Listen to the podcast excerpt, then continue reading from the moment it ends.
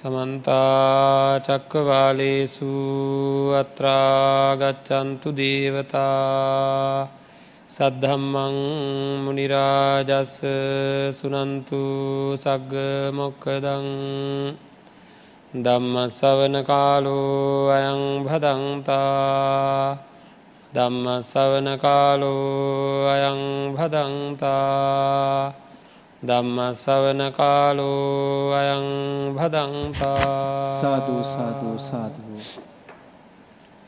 නමුතස්ස භගවතු අරහතෝ සම්මා සම්බුද්ධස්ස නමුතස්ස භගවතු අරහතු සම්මා සම්බුද්ධස්ස නමුතස්ස භගවතු අරහතු සම්මා සම්බුද්ධස්ස සාධූ සාධූ සාධූ යායිමාචුන්ද අනේක විහිතා දිට්ටියෝ ලෝකයේ උපජ්ජන්ති අත්තවාද පටිසංයුත්තවා ලෝකවාද පටිසංයුත්තවා යත්ත තේසා දිට්ටියෝ උපජ්ජන්ති අච්චත අනුසෙන්ති අච්චත සමුදාචරන්ති තංනේ තං මමනේසෝ අමස්මීන මේසෝ අත්තාතිේව මේ තං යථභූතං සම්මප්පඥාය පස්සතෝ ඒව මේතා සංදිිට්ටි නං පහනං හෝති ඒව මේතා සංදිිට්ටි නං පටිනිස්සක්ගෝ හෝතීති සාධූ සාධූ සාධූ සද්ධා බුද්ධි සම්පන්න පින්නත්න නිවන් මග දේශනා මාලාවේ සල්ලේක සූත්‍රය ආශ්‍රයෙන් කෙරෙන දෙවැනි ධර්ම දේශනාවයි අද. මජ්ජිමනිකායේ මූල පන්නාසකයේ මූල පරියාය වගයේ නමවෙනි දේශනාව නමවෙනි දේශනාව තමයි හෝ අටවෙනි දේශනාව මට මත හැටිට අටවෙනි දේශනාවයි චල්ලක සූත්‍රය කියලා කියන්න. සල්ලක සූත්‍රයේදී සඳහන් වෙන්නේ කෙලෙස් කපන ක්‍රමවේදය පිළිබඳව කෙලෙස් නැති කරන කෙලෙස් දුරු කරන කෙලෙස් කෙලෙස් පරිනිර්වාණයට පත් කරන ක්‍රමවේදය පරියාය ධර්මය පිළිබඳවයි. චුන්ද තෙරෙනුවන් අබිය අරමුණු කරගෙන අපි හැම දෙනාටම දේශනා කරපු මේ දේශනාව දේශනාව මුලදිම අපි ඔය මාතෘකා කරගත්ත ටිකක් දීර්ඝ ගාථා ධර්මයේ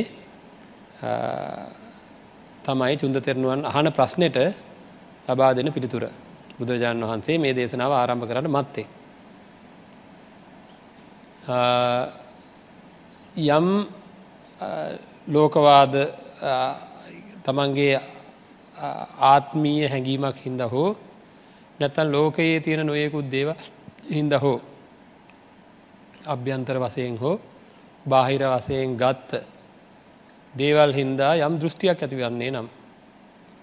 අන්න ඒ ඇතිවෙන දෘෂ්ටීන් ප්‍රහාණය කරන්ඩ කුමක්ද කරණ්ඩෝ නෑ කියලා බුදුරජාන් වහන්සේගෙන් චුන්ද තෙරණුව දෙසනා අහනවා. සම්මා සම්බුදුරජාණන් වහන්සේ දේශනා කරන වෙන මොකක්වත් නෙවෙයි. පංචුපාදානස්කන්දය පිළිබඳ යථභූත ස්වරූපය අවබෝධ කර ගණ්ඩෝ නෑ කොයි විදිහටද? නේතං මම නේසෝ හමස්මි න මේසෝ අත්තාති. මම නෙවෙයි මගේ නෙවෙයි මගේ ආත්මය කොට ගණ්ඩ මේ පංචුපාදානස්කන්දය බැරි බව ප්‍රඥාවෙන් දකිින්ඩ කියලයිව මේ තං යථභූතන් සම්මපඥාය පස්සතෝ ඒව මේ තාසන් දිට්ටී නම් පහනං හෝති ඒව මේ තාසන් දිට්ටී නම් පටිනිසක් ගෝහෝති. හරි එතකොට එහෙම නං ඔක්කොම දෘෂ්ටීන්ටික වෙර වෙන්නේ ඉවර වෙනවා කෙනෙක් තුළ පංචුපාදානස්කන්දය ගැන තියෙන සෝවාන් පලස්ත පුද්ගලය බවට පත්තෙද්දි. එනම් පළවෙනි ශ්‍රමණයා වෙන්ඩනං ශාසනයේ අනිවාරයෙන් පංචුපාදානස්කන්දය පිරික්ෂන්ට වෙනවමද නැද. නේද. වෙන ක්‍රමයක් ඇත්තේ නෑ. සෝවාන් වෙන්ටනම් වෙන ක්‍රමයක් තියෙන්ට පුළුවන්කමක් ඇත්තේ නැති බව ඉතාම පැහැදිලි. ඉතිං අප ඊය දවසේ රූපය සහ වේදනාවල් පිළිබඳ ඒවා මම කියලා ගණ්ඩ බැරි බවත් මගේ කියලා ගණ්ඩ බැරි බවත් සත්වයෙක් පුද්ගලයෙක් කියලා ගණ්ඩ පුළුවන්කමක් ඇත්තේ නැති බවත් ආත්ම වසයෙන් ශූන්‍ය බවත් තේරෙන ආකාරයට යම්කිසි විග්‍රහයක් කරා. ඉති මේක අපි විග්‍රහ කර ගැනීමේ වටිනාකමත් තියෙන මේකෙන් පස්සේ මේ සූත්‍ර ධර්මය තියෙනවා දිට්ට දම්ම සුක විහරණය කියන්නේ මොකක්ද කියලා නැතිදි ප්‍රථම අධ්‍යාන තුති අධ්‍යාන තතුත අධ්‍යාන ආදිය සියල්ල නේව සංඥා නාසංඥායතනය දක්වා බුදුරජාණන් වහන්සේ ප්‍රතික්ෂප කරන ප්‍රතික්ෂප කරන ගැන එපා කියන්නේ ඒවා මොකටද. දිටු දැමීයෙහි සැපෙන් ඉන්ඩ ඒැන මේ ජීවිතේ සැප විහරණය සඳහා විතරයි. එතරින් හට තමයි තියෙන සල්ලේක කරනය කොහොමද සල්ලේක කරන්නේ කෙලෙස් කෙලෙස් කපන්නේ කෙලෙස් නැති කරන්නේ. ඉතින් ඒ අපිට හරීවටනවා ක්‍රම පහක් එක්ක මේ කාරණ හතලි සතරක් අපේ හිතේ උපදින කෙස් ධර්මයන් හතලි සතරක් අරගෙන ක්‍රම පහකින් ඒවා අයින් කරගන්න විදිහ ගැන සඳහන් කරනවා. ඉතින් ඒකට අපිට බෑ සූත්‍ර ධර්මයක් ගැන සාකච්ඡා කරද යම් යම් කොටස් බැහර කරන්න ඉතින් අපි මේක මුලින්ද සාකච්ඡා කරයන් එතකොට අපිට ඒ ආකාරයට අදහසක් ඇති කරගන්න පුළුවන් වෙන්නේ.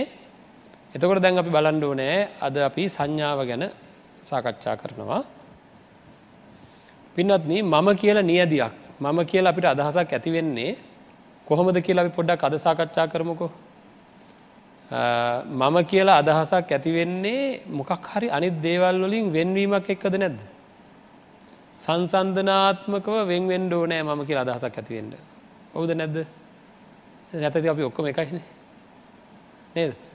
ඔක්කොම එක තැනක තියෙන දේකට අපි වෙන වෙනස් කරලා දෙනවනම් මෙන්න මේක මෙන්න මේ කොටස වෙනස් කියලා එක්ක අරට වැඩිය හොඳ වෙන්ඩෝන එක මේට වැඩිය අරට වැඩිය නරක වෙන්ඩෝන මං අහන මේ ඇත්තන්ගේ මම කියලා දැනට මනසේ කල්පනාවත් තියෙනවද නැද්ද? මගේ මනසේ කල්පනාවත් තියෙන මම කියලා.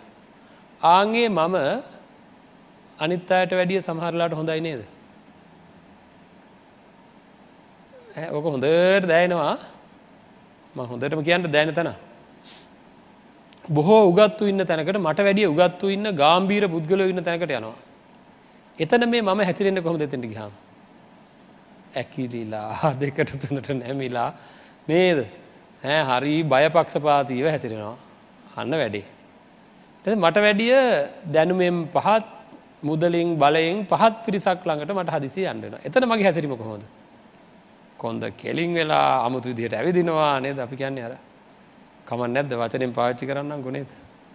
අපි කියන්නේ පෝරවල් වෙනවා කියලා කියන්නේ එතකොට හරියට නිකං නද ලොකු ලොකු ලොකු වෙනවා. ආගේ ඇයි ඒක කොහෙන් දෙන්නේ. අර එහා ගොඩට ගිහාම අර විදිහ වෙන්ඩත් මෙහා ගොඩ අප මේ විදිහ වෙන්ඩත් මගේ හැසිරීම තුළ ඒවගේ අමුතු ලක්ෂණ පහළ වෙන එක ආවේ කොහෙන්ද. මගේ ශරීරයෙන්ද? වේදනාවෙන්ද? නේද? මේ විදිර බලාගෙන මගේ ඒ වගේ වෙනසක් වෙලා නෑ නමුත් අන්න අර මනසේ ඇතිවෙන කල්පනාවක් විතරයි ඒක සංසන්ධනාත්මකව නේද? එතකොට මම කියන එක් කෙන අන්නේ වගේ සංසන්ධනාත්මකව හැදිලා තියෙන මනසේ ඇතිවෙච්ච කල්පනාවක් විතරද නැද්ද? නේද? අද මම හිතාගෙන ඉන්නවා නම් මම මේ වගේ කියලා හෙට මටම තේරෙනවාද නැද වෙනස් කියලා. නේද. එතොට මම හැම්වෙලේම වෙනස් වෙනවා. පංචුපාදානස්කන්දේ හැම්වෙලේ වෙනස් වෙනවා නම් මම හැම්වෙලේම වෙනස් වෙනවා. එතකොට බලන්න පින්නන්නේ අන්න ඒ වගේ මේක පැටලිලි වගේ තියෙනවා ඉතින් ඒ පිළිබඳ අපි රූප සහ වේදනා ගැන ඒ සාකච්ඡා කරා අද අපි සංඥා ගැන කතා කරම රූප කියලා කියන්නේ මේ ධාතු හතරෙන් හටගත්ත ශරීරය. බාහිර සහ අභ්‍යන්තර වසයෙන් තියෙන. ඒ බාහිර අභ්‍යන්තර හැම එකක්ම පටව්‍යාපෝ තේජවායෝ කියෙන ඔක්කොම එකම වගේ මෙලෝ දෙයක් දන්නේ නෑ. මගේ දතකුයි ඒ එලිය තියෙන ගන වස්තුවක ගත් හම දෙකම එකයි මොකවත් දන්නේ නෑ. මගේ කොන්්ඩෙයි කිතුල් ගහක කෙදී ගත්තොත් ඔක්කොම එකයි මෙලෝ දෙයක් දන්නේ නෑ. හරිද මේ හම උඩ තියෙන කෙස් දන්නේ නෑමං හම උඩ ඉන්නවා කියලා හමට කෙස්වල් යටින් තියෙන හම දන්නේ නෑ මගේ උඩ ගෙස්තිනවා කියලා. හුඹහක් උඩ තනකොළ ගස් වගේ තිරනගේ තනකොළ ගස් දන්නේ නෑ මගේ යටින් හුඹහත් තිනවා කියලා හුඹහ දන්නේ නෑ. තනකොළ ගස් තිනවා කියලා. ඒ වගේමයි. එහෙනම් අභ්‍යන්තර බාහිර පටවියාපෝ තේජෝ ඔක්කොම සත්ව පුද්ගල කියලා ගන්න පුළුවන්කමක් ඇත්තේ නෑ. මේ ශරීරය දරාගෙන අපි හිටියට මේ ශරීරයේ කිසිම මාත්‍රයක් කිසිම දෙයක් දන්නේ නෑ ඒකද මේ ශරීරයට සත්වයා කියලා ගණඩ බැරි බව අපි පැහැදිලි කරගත්තා ඒවගේම වේදනා වේදනාවල් කියන ඒවා සැපවේදනා දුක්වේදනා අදුක් අසුක වේදනා වසයෙන් උපදිනවා. ඒ උපදින්නේ හේතු ඇතුව. නේද. එකම කෙනෙක් ගත්ත හම බාන්ට මනෝ සම්පස්සජ වේදනාව කියන එක ගැන ඒ අපි කතා නොකරපු කොටසක් ගැනත්ම පොඩ්ඩ මතක් කරන්න එකම පුද්ගලයෙක් ගත්තහම අද මම දකිනකොට දැන් අද ඔය අද හෙට ගොඩක් ඈත තියමුක මේ එක මොහොතක් ගමකු මම ඉතා ප්‍රිය පුද්ගලයෙක්ව දැක සැපවේදන ඇතිකර ගැනීම සඳහා ගියා. හරිද දැන් හම්බුණා. හම්බෙච්ච ගමන් එයා මට කතා කරපු විදිිය හෝ මගේ දිහා බලපු විදිිය මට හරිගියෙන් නෑ. එහෙම වෙනවද නැද්ද වෙලාවකට දැන් ඒ පුද්ගලයා හින්ද මොන වේදනා දෙන්නේ. අපිම කියනවා ආපු එකෙක් ගෝංකම නේද මහන්සේලා ආවටත් වැඩන්නෑ මෙතන කියලා අන්න එනම් ඒ පුද්ගලයා හිදම දැන් දුක්වේද නැතිවෙන පට ගන්න නේද? ඒක මට නවත්තන්න පුළුවන්ද? මාව හුළගේ ගිහිල්ල වගේ. මගේ ජීවිතයේ ඇතිවෙන සැපවේදනා දුක්වේදනත් එක්ක මා හුළග යනවා වගේ එක ඒක විටක විටක එක එක එක විදිහේ වේදනාවල් වලට මාව යටත් වෙලා. වේදනාව කියන සන්තතිය වේදනාව කියන ගැලීම මම කියලා ගත්ත මේ කොටස යට කරගෙන විදගෙන නේද? ඇතුල්ලෙනවාද නැද්ද? බලහත්කාරකමේ බලහත්කාරකමෙන් ඇතුළෙනවා පින්නන්න එතකොට කොහොමද මං කියලා වෙන් කරන්න? ම වේදනාටික මගේ කියලා ගන්න කොහොමද? මට කිසිම ඉඩක් නෑ එයා නොඒකුත් දුක්වේදනා හදනවා නො ඒකුත් සැපවේදනා හදනවා. සැපවේදනා ඉතින් හදන හිදම හදාගන්න උත්සාහ කරන එකව කර කර. මී අම දිවයක්කරුත් සැපවේදනා තියනවා. ඉන්නවක මං හදාගන්නක මගේ වේදනාව කියලා මකකන් මියම ගෙනල වක්කර වක්කර යන දිවුඩ ටිකක් කළ ඇදමක වෙන්නේ?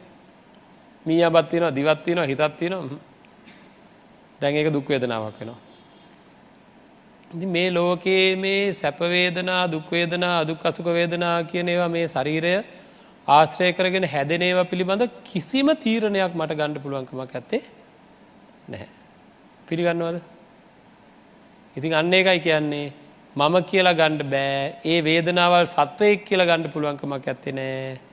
පුද්ගලයෙක් කියලා ගණ්ඩ පුළුවන්කමක් ඇත නිස්සත්තයි ඒ වේදනාවල් ජීවී කියලා ගණ්ඩ පුළුවන්කමක් ඇත්තේ නෑ. ඒවා අජීවීමම හටගෙන අජීවීවම නැතිවෙලා යන ස්වභාවය තින සත්වයක ජීවියකය කියලා ගණඩ පුලුවන්කමක් නෑ වේදන මොකූ දන්න. ජීවියෙක් නම් දැනගණඩ පෑ මොනවත් දන්න.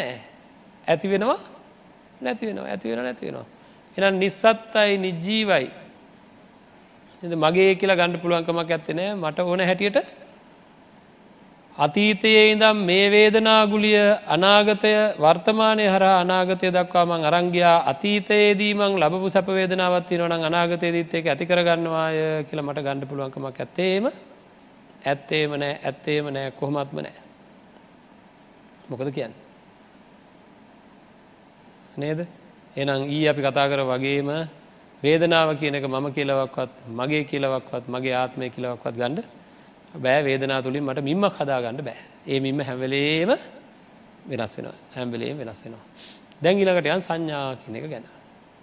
ඇදට වෙන්කරගන්න පුළුවෙන් ොන්ද රූප අපිට වෙන්කරගත්ත හරි පැහැදිලි. වේදනා ගෙනව සැපදු කදුක් අසුක කියලා වෙන්කරගත්ත පැහැදිලි.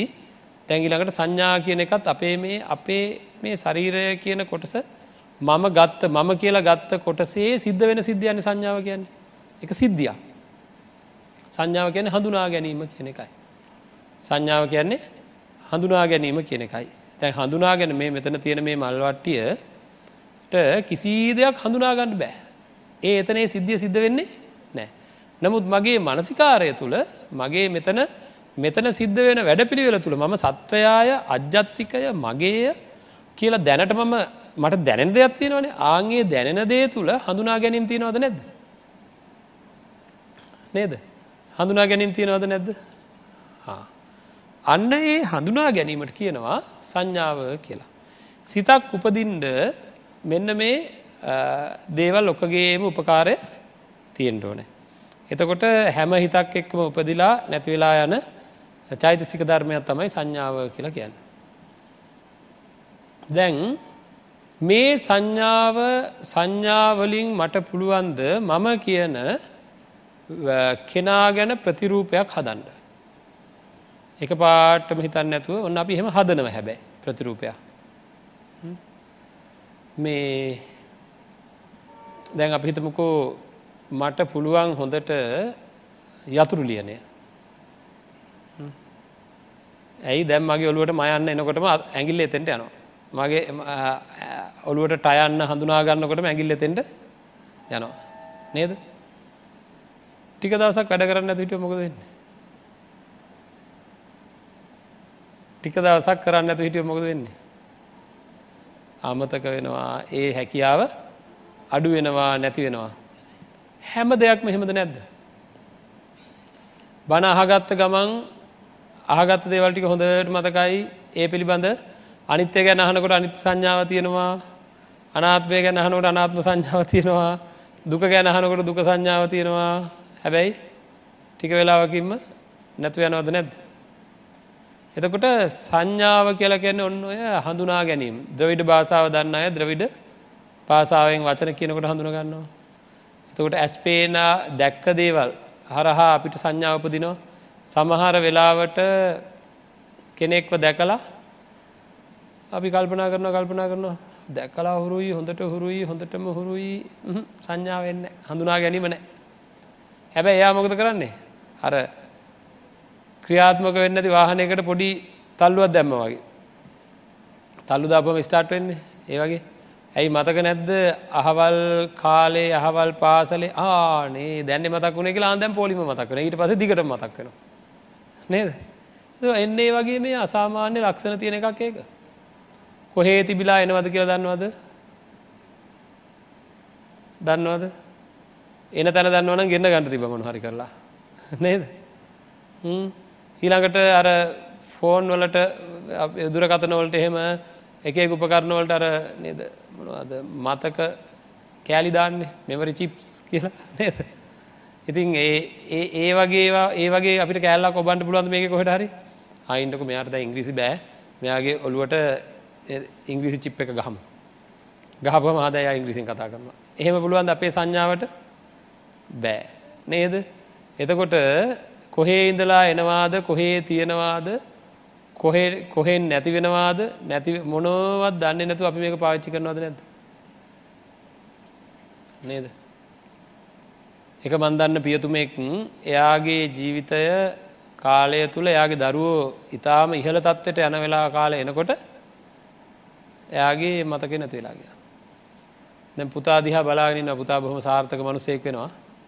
පුතාදයා මෙහම කළ බලාගෙන ඉන්නවා. අඳුරන්නේ හරි ඔන්න බලන්ට සංඥාව ගැන විශ්වාස තියල කටයුතු කරන්න පුළුවන් එතකොට මේ හැමවෙලේම වෙනස් වෙන සංඥාවකින් මම කියලා ප්‍රතිරූපයක් හදන්ට මට පුළුවන්ද? මෙන්න මම මෙන්න සංඥාවෙන් තමයි මම හැදිලා තියෙන්නේ කියලා අනිත් අඇත් එක්ක සංසන්ධනය කරකට සංසන්ධනය කර හදන්න පුළුවන්ද?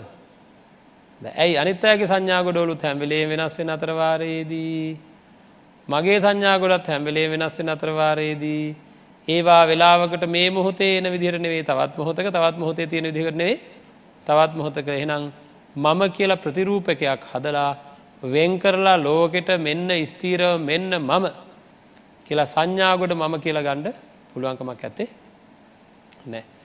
ඊළඟට ඔය එන එන සංඥාව කියන එක දන්නවද මෙයාගේ සන්තානයේ මෙන්න අහවලාගේ සංඥාව විදිහට මම නිරූපණය වෙනවා කියල දන්නවද. ඒ සංඥාව වෙනම සතෙක් විදිහට ගණඩ පුළුවන්ද. සංඥාව වෙනම ජීවියෙක් විදිහට ගණඩ පුළුවන්ද. ඒක මේ ලෝකයේ පටිච්ච සමපන්න මලප්පි පෙනවාවාගේ දේ දුන්නක් පායනවාවාගේ අව්ව අව්ව පායනවාවාගේ වැස්ස වහිනවාවාගේ හේතු ඇතිකල්හි ඇතිවෙලා හේතු නැතිකල්හි නැතිවෙන ධර්මතාවයක් විතරයි. හේතු ඇතිකල්හි ඇතිවෙලා හේතු නැතිකල්හි නැතිවෙන ධර්මතාවයක් විතරයි. ඒක කිසිම විදිහකින් සත්වයෙක් කියල ගණ්ඩ පුළන්කම ඇත්ති නෑ. හරිද ඒක මගේ කියලා අල්ලන්න පුළුවන්ද ඒකන මේක මගේ සංඥාගොඩ මේක මගේ අහවලාගේ තියෙන මගේ සංඥාගොඩ හරිද කියලා අපිට මගේ කියලා අල්ලගණ්ඩ පුළුවන්ද? මොකද මේ මගේ නං මට ඕන ඇවිදිහට තියෙන්ඩ ඕනෑ. නේද? පාඩන් කරනවා කියන්නේ මොකක්ද මට නැට හදනොය කට පාඩන් කරනවා කියන්නේ එකන පාඩන් කරලා පාඩන් කරලා පාඩන් කරලා හැන්දෑවෙත් බලලා පාන්දරත් බලලා ඔක්කම කල විභාගට ගිය. දැ සංඥාකොට එන්ඩෝනෑ හරියට ප්‍රශ්න ප්‍රශ්න දකිනකොට උත්තර එන්ඩෝනෑ මොක දුනේ එන්න නෑමෙන්න්න මතක් කරනවා කරනවා කරනවා කරනවා. එන්නේ නෑ. නේද? දැන් එතකොට එන්නේ නෑ. හැබැ විභාගිවර වෙච්ච ගම කාගෙන් තල්ලුවක් නැතුව මෙන්න නවා නේද? ඉතින් එනම් ඕන වෙලාවට ගෙන්න්න ගණ්ඩ බෑ. ඊළඟට නරකම දෙයක් තියෙනවා. සංඥාවත් එක්ක සිද්ධ වෙන. මළගයක් වුණා කියන්නු දැන් කෙනෙක් අපි අතරින් වියෝ වුණා. දැන් එක දිගට මතක් වෙන ගෙදර ගිහිල්ල ග්‍යාමයි කරපු ඒවා ඔක්කෝ මතක් කරද අන්ඩාන තමයි ඉන්න. කවුර ඇවිල්ල කියනවා ඕ ඇතින් දැන් අමතක් කළ දාන්න. ඉතින් වැඩ නෑන දැන් ඉතින්. ළඟ තියෙන මොකක් කරය කරන්න දෙක දෙන්න හිතන හැමකි හමයි අමතක් කොරන්න පුළුවන්නම් මම මතක තියාගෙන ඉන්නවද? ඒ කියන එන සංඥාවල් මට ඕන වෙලාවට නවත්තන්ඩත් බෑ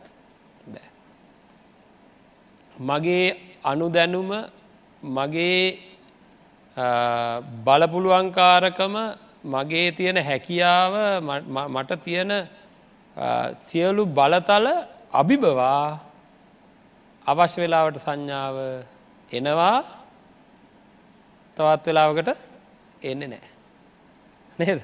මට ඕන වෙලාවට මගේ බලතල පාවිච්චි කරා කියලා සංඥාව එන්නෙත් නෑ මගේ බලතල පාවිච්චි කරා කියලා මට ඕන වෙලාවට යන්නෙත් නෑ. එහෙනම් මගේ අනසක තුළද මෙසේ වේවා සංඥාව මෙසේ නොවේවා කියලා සකස් කරන්න පුළුවන් එකක්ද? එනම් මට අයිති එකක්ද? එහෙනම් සංඥාව කියන පංචුපාදානස්කන්දය මම කියලා ගණ්ඩත් බෑ මගේ කියලා ගණ්ඩත් බෑ මගේ ආත්මය. නේද? අතීතයේ දම් මං වෙනස්වෙන්ට නොදී වෙනස් වෙනවනම් වෙනස් වෙන්නේ මට ඕන විදිහටයි මේ ටික වෙනස් වෙන්නේ. මට ඕන විදිහටයි වෙනස් වෙන්නේ කියලා.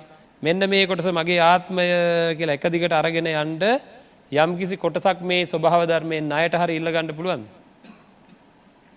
සංඥා කොටස දෙන්නක මං අර යන්න ඔයාෝක පාලනය කරන්න ඕන්න ඇගේ පාලනය මංගන්න කියලා එහෙම කොටසක් ඉල්ලගෙන හෙම යන්න පුළුවන් බෑ. කොහොමත්ම බෑ. ඒක තවත් එක ධාරාවක් විතරයි. එකක් පිටිපස්සේ එකක් පිටිපස්සේ එකක් පිටිපස්සේ.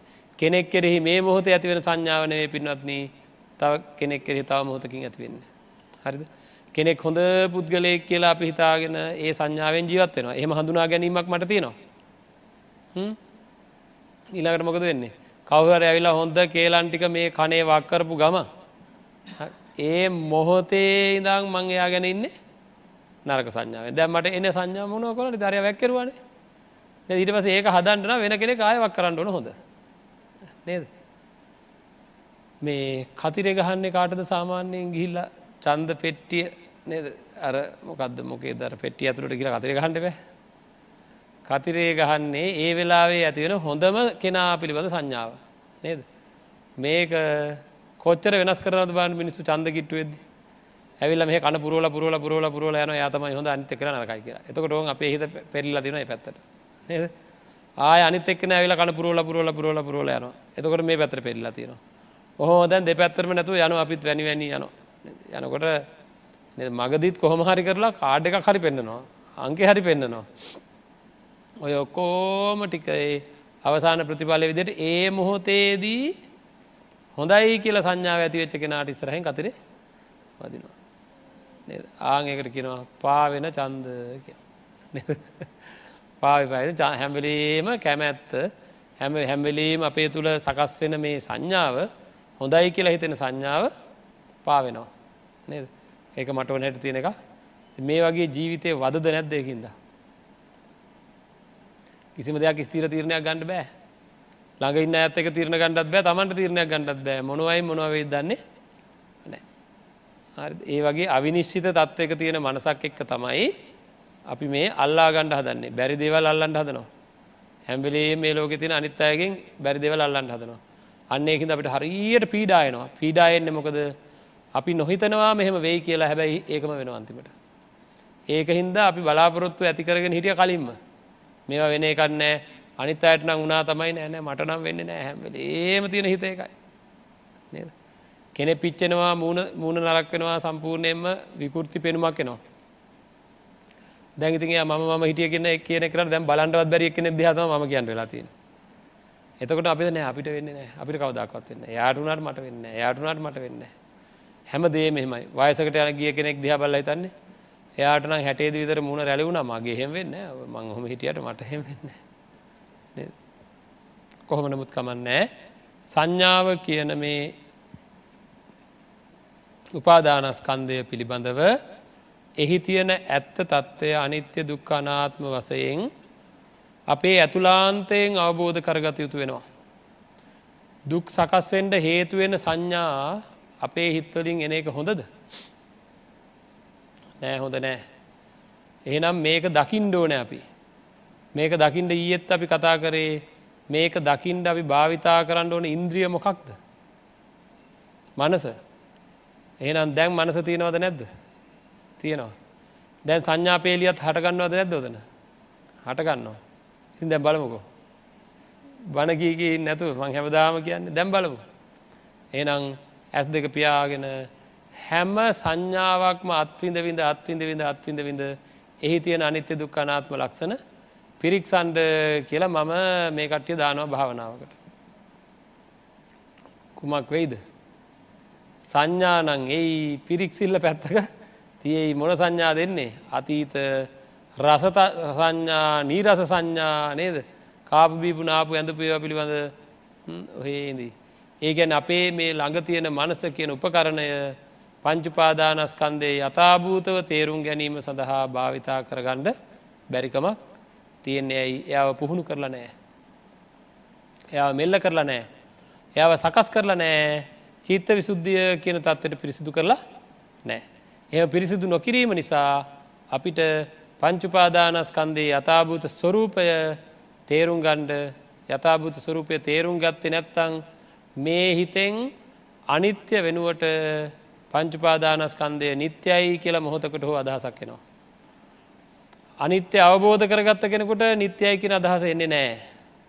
අනාත්මය වෙනුවට ආත්මයි කියලා අදහසක් කෙනවා. අනාත්මය අවබෝධ කරගත්ත කෙනෙකුට ආත්මයි කියලා මාත්‍රයක් එන්නේ නෑ. දුකයි කියනෙක වෙනුවට සැපයි කියන සංඥායනවා පින්වත්න්නේ.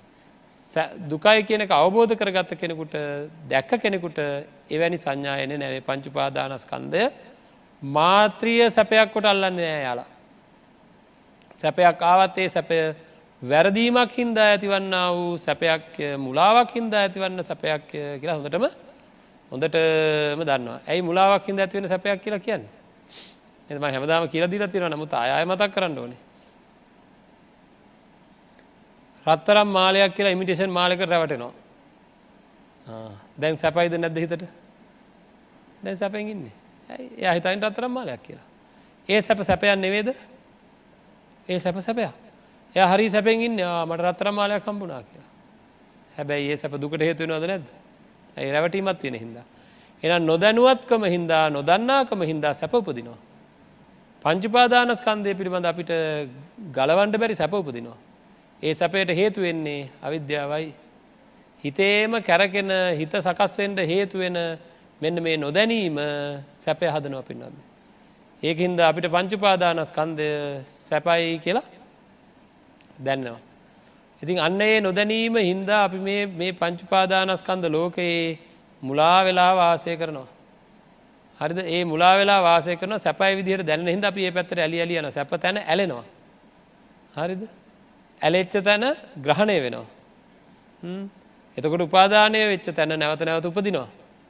නැවත භවය සකස් වෙනවා. එහෙනම් එහෙනම් අපිට මේ සංඥාව පිළිබඳව නිවැරදි අවබෝධය ඇති කරගණ්ඩ සීලයෙන් පෝෂණය වෙලා ක්‍රමාණුකූලව ඉතා ක්‍රමාණුකූලව අපිට මේක හිත අපේ මනසිකාරය සංඥා සන්තතියට යොදවලා සංඥා සන්තතියට යොදවලා එහි යථභූත ස්වරූපය තේරුම් ගැනීම සඳහා කටයුතු සම්පාදනය කරගණ්ඩම වෙනවා. හරිද කටයුතු සම්පාදනය කරගණ්ඩම වෙනවා.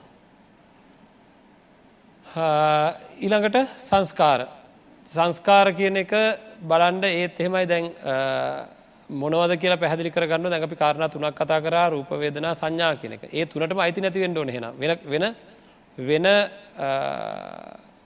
වර්ගී කරණයක් න නේද? පංචුපාදානස්කන්දය කියලා කියන්නේ මේ අපේ මගේ කියලා ගත්ත කොටස බුදුරජාණන් වහන්සේ වර්ගී කරණය කරලා. එනම් ඒ වෙන වර්ගී කරණයක් නම් මේක ඒ වර්ගී කරණය අර තුනට අයිති වෙන්ඩ බෑ. ඒ තුනටම අයිති නැති තව මොනහර දෙයක් වෙනවාද කියල බලන්න. ඒ තුනටම අයිති නැති තව මොනහර දෙයක් අපේ අපි ආශ්‍රය අපේ ආශ්‍රය සිද්ධ වෙනවාද කියල බලන්න. ඇයි? දැන් අම්මා කියලා කියනවා. එතන දැම හයියෙන් අම්ම කියලා කිය නැත අපි අම්ම දකිනවා කියන්නු දැක්කහම රූප කොටසට වැටෙන්නේ චක්කුවත් රූපයක් දෙක. නේද? එතකොට අම්මාව දකිනට ඇඳගෙන හිට ඇඳුමකින් හරි රැත්තන් එලියක් තිබුණනගේ හරි අන්න ඒවා ඒත් එක්ක පහළ වෙච්ච නේද ඒක තීවර හරි සෞම්‍ය හරි වුණනන් ඔන්න සැප දුක් අදුක් අසුක වේදනා හටගන්න ස්පර්ශය හේතුවේ විඤ්ඥානයක් හේතුවේ එතකොට ඒ දෙක හරි. අද වේදනා හරි. එන අම්මා කියලා මගේ මනසේ හඳුනා ගන්නවා. ඇන හඳුනා ගැනීමත් හරි. දැන් අම්ම ගැන මට ආදරයක් උපදිනවන ඒක රූපයද වේදනාවද සංඥාවද?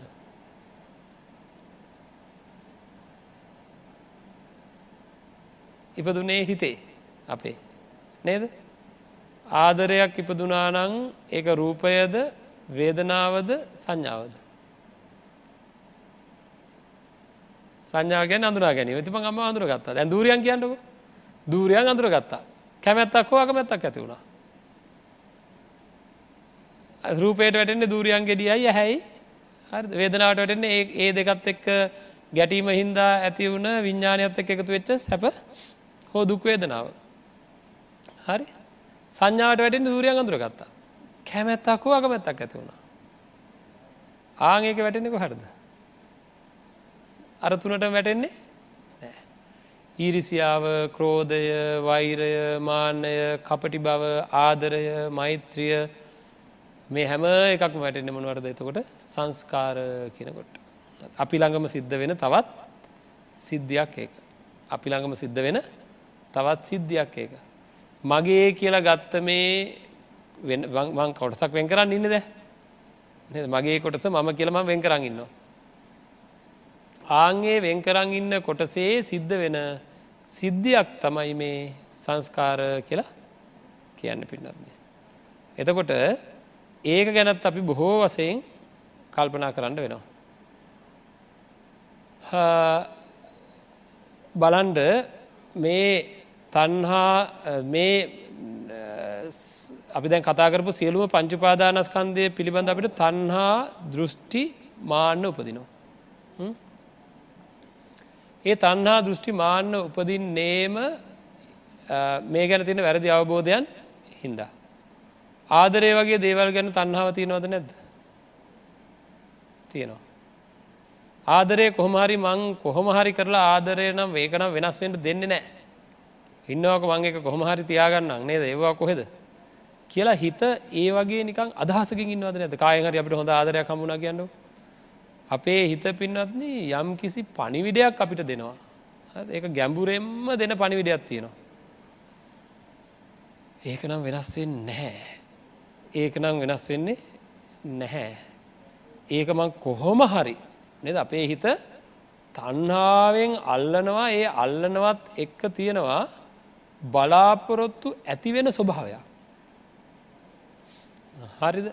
ඇත්ත මැත කතා කරම. ඔක්කොම එකතු වෙලා මේක නේද අල්ලලා එලියට දාගෙන පොලේ ගහලවගේ නේද? ඇතුළ තියෙන ඔක්කොම එලියට දාලා ඇත්ත කතා කරගන්න ඕන. කොහෙන් හරි ආදරයක් ලැබුණහම අපිට ඒ ආදරයත් එක්ක අපේ හිත යම්කිසි අපේක්ෂාවක් තියෙනවා. යම්කිසි බලාපොරොත්තුවක් ඇති කරගන්නවා. කොහොම හරි පරිස්සං කරගණ්ඩෝ නෑ කොහොම හරි නේද? ඇයි එහෙම බලාපොරොත්තුවක් ඇති වෙන්නේ? ඒක කරන්ඩ පුළුවන්ය කියලා මට අදහසක් තියෙන හින්දද නැද්ද? ඒක ගැන තන්හාාවක් තියනව විතරක් නෙවෙයි. අන්න ඒක ගැන තන්හාාවක් තියනව විතරක් නෙවෙයි. ඒක කරන්න පුළුවන්ය කියලා මට අදහසක් දැක්මක් තියෙනවා. ආං ඒකට කියනවා දෘෂ්ටියක් කියලා. හරිද? ඉස්සෙල තුනේමත් එහෙමයි තන්හා දෘෂ්ටි මාන්න වසයෙන්මයි ඉස්සෙල තුන තුන ගැන තන්හා දෘෂ්ටිමාන ඇතිවන දැම මෙතින් දිතරක් මේ ගත්තා තේරුම් කරන්න පහසි වෙන්ඩ ආදරය කියන එක පවත්තගෙන යන්ඩ පුළුවන්ය මට කියලා මට වැරදි හැඟීමක් තියෙනවා. ආන්ගේ වැරදි හැඟීම තියෙන හින්ද නේද මං ඒක තියාගණ්ඩ උත්සාහ කරන්න. මංගකට හැමදාම අනි පැත්තට කියන්නේ කොයි විදිර හිතන්ට කියලද දේ දුන්න පායනවා. ලස්සනයි හොඳයි.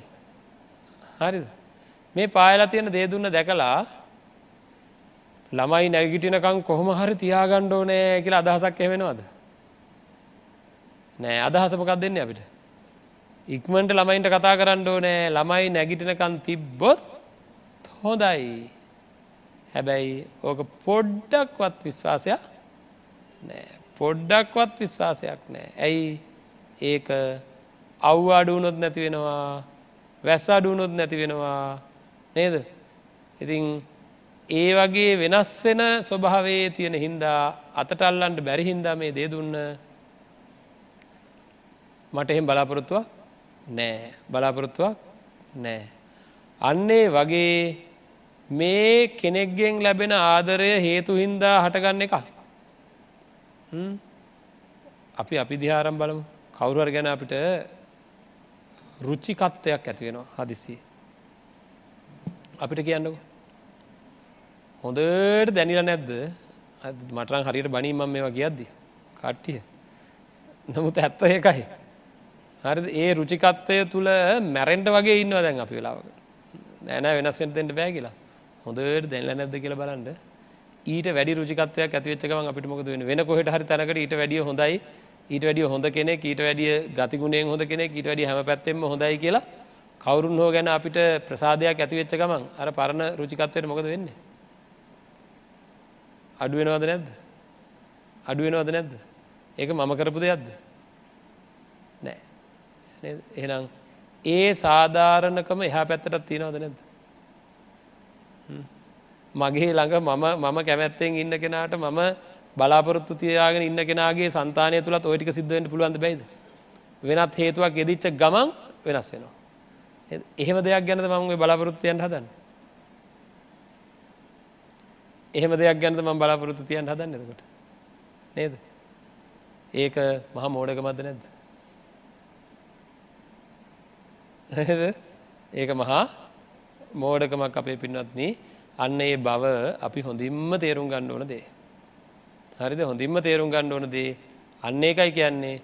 ඔන්න ඔය හැම නිමේශයකම වෙනස් වෙන මේ දේවල් පිළිබඳ තන්හා දෘෂ්ටි අපිට තියෙනවා ආගේ තන්හා දෘෂ්ටි තියෙනකල් මේක මමය මේක මගේය කියන අදහස් අපේ ළඟට එනවා හරිද තන්නා දෘෂ්ටි තියෙනකම් මේක මමය මගේ තන්හා දෘෂ්ටි මාන්න තියෙනකං මේක මමය මගේ කියන අදහස් එනවා. ඉතින් ඒක නැති වෙන තුරු මොකද කරන්න ඕන ඉස්සෙල්ලාම අපේ සන්තානගතව ඇතිවෙන මේ සංස්කාර සන්තතියක් තියෙනවා. එකදිකට මේ මොහොතේ ඇතිවෙන කැමැත් අකමැත්ත නෙවේ තව චුට්ටකින්. මේ ඊළඟ මොහොතේ ඇතිවෙන කැමැත් අකමැත්ත නෙවේ තව චුට්ටකින්.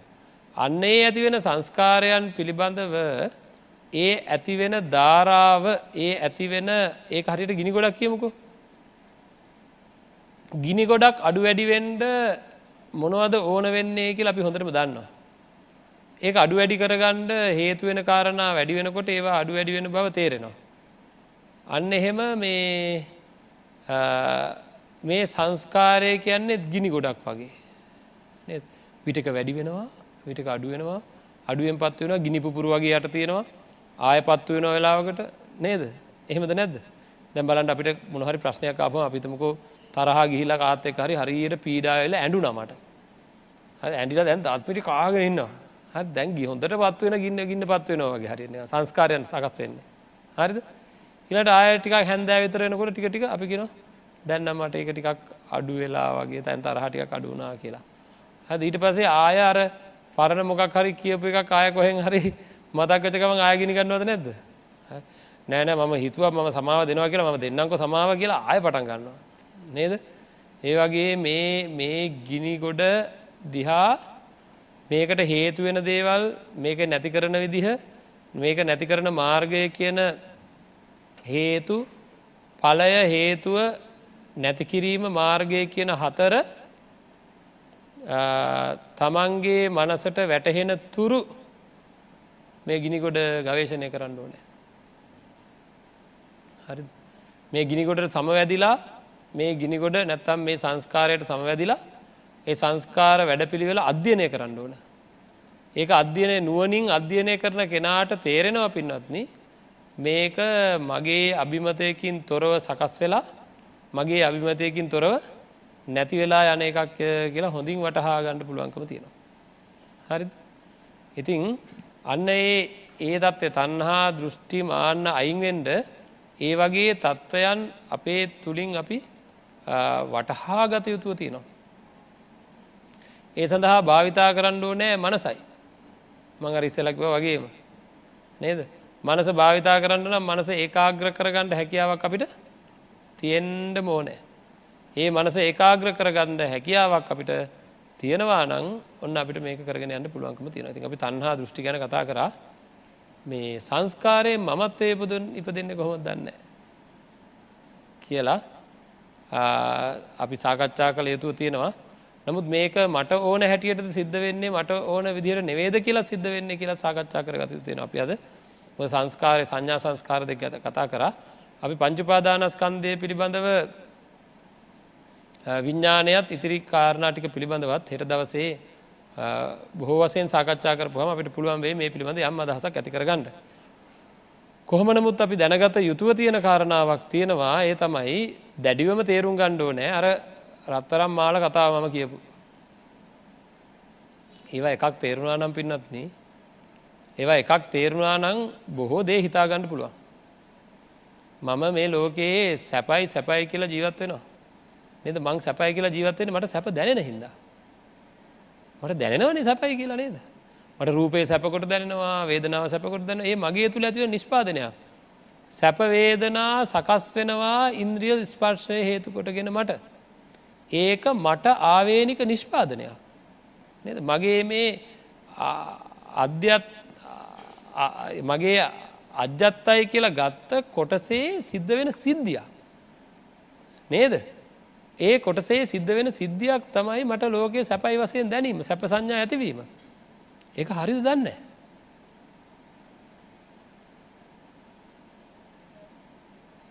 මං කියන ගැඹුරෙන් හිතන්න පොඩ්ඩා. අපිට දැනෙන්ඩ ඕනෑ අපේ පින්නත්ති ගැඹුරෙන්ම දැනෙන්ඩ ඕනෑ ඒක හරිද දන්න. මම සැප පිටි පස්සේ යනවා නමුත් මේක මගේ ඇතුළෙම් ආපු එකක්. හරිද මස්කට්ට හපන බල්ලා හිතන්නේ ලේරහ එන්නේ කොහෙන් කියලද. වේලිච මස්කට්ට කරන් හපන බල්ල හිතනවා ලේරහ එනවා එන්නේ කට්ටෙන් කියලා බලන්නකොට එන්නේ එයාගේම දත්වලින් ලේන්නේ අන්තිමට. ඉතින් අන්න ඒ වගේ මේ බාහිර ලෝකයෙන් සැපපදනවා කියලා හිතාගෙන ඉන්න අපි දන්නේ නෑ. අපේ ඇතුළේම වැරදීමක් හින්දා බාහිරයව දකිනකට අපිට සැපපුදුන්නේ මේ වස්තු එහෙම්මම තිබ්බාව. නේද? මේ මල්පොකුර දැකලා සමහර ඇත්තෙකුට සැපපුදින්ට පුළුවන්. සමහර ඇත්තකුට නෑ. ඒක කොතන වෙන සක්ද මල්පොකුරේ වෙන සක්ද ඇහේ වෙන සක්ද මනසේ වෙන සක්ද නේද? එන ලේනෙ කොහෙන්ද? එයාගේම ඇතුළෙන්. නේද? එන වෙනස් කරන්න ඕන කොහෙද? එයාගේම ඇතුළ. බුදුරජාණන් වහන්සේලා සීනාශ්‍රයන් වහන්සේලා සංකිත්තයන පංචුපාදාන කන්දා දුක්හා කියලා දේශනා කරද්දී අපි අපිට දැනෙන්න කොහොමද. සංකිත්තයන පංචුපාදානස්කන්දා සුකහා එහෙමයි අපිට දැනෙන්නේ. ඒ අපේ මනසේ තියෙන වැරද්ද. ඉතින් අන්න ඒ වැරද්ද අයින් කරගණ්ඩ නං මොකද කරන්න ඕන? ඒව මේ තං යථභූතන් සම්මප්පඥාය පස්සතු ඒව මේතාසං දිට්ටී නම් පහනං හෝති ඒව මේතාසන් දිට්ටී නම් පට්නි සක්ග හෝති. පංචුපාදානස්කන්දේ යථභුත සුරූපය නොදැනගෙන දුකෙන් නිදහස්වීමක් කියල එක සිද්ධ වෙන්නේ. ඉතින් ඒක හින්දා අපි ඒ පිළිබඳ දැඩිය අදහසක් ඇති කර ගණ්ඩෝ නෑ අද දවසේ නිවසට වෙලා ධර්මය ශ්‍රවණය කරපු මේ පින්වන්ත අයට මේ ධර්ම දේශනාව රැගෙනෙන්ට හේතුනේ මේ මැදිරියේ කටයුතු කරන මැදිරියට ඇවිල ධර්ම ශ්‍රවණය කරන මේ පින්වන්ත පිරිසගේ දායකත්වයෙන්. ඒකද ධර්ම ශ්‍රවණය කරලා තමන්ගේ ජීවිත සුකිත මුදිද කරගණ්ඩ හිත සුවපත් කරගණ්ඩ කටයුතු කරන මේ පින්වත් අය ප්‍රාර්ථනා කරන්න මේ මැදිරියට ඇවිල්ල තමන්ගේ බාහු බලය යොදල හරියම්ප කරගත ධනවේ පැහදන් කරලා ධර්ම දානම පුුණ්‍ය කර්මය සිද්ධ කරගත්ත මේ පින්වත් අයට උතුම් ධර්මාවබෝධය සඳහාම ඒ ධර්මදානමය පුුණ්‍ය කර්මය හේතුවේවා කියල ප්‍රාර්ථනා කරන්න. ආකා සට්ටාච බුම්මට්ටා දේවානාගා මහිද්දිකා පුඤ්ඥන්තන් අනුමෝදිත්වා චිරංරක්කං තුසාසනං චිරංරක්කං බුද්ධ දේශනං චිරංරක්කං තුමං පරංතිී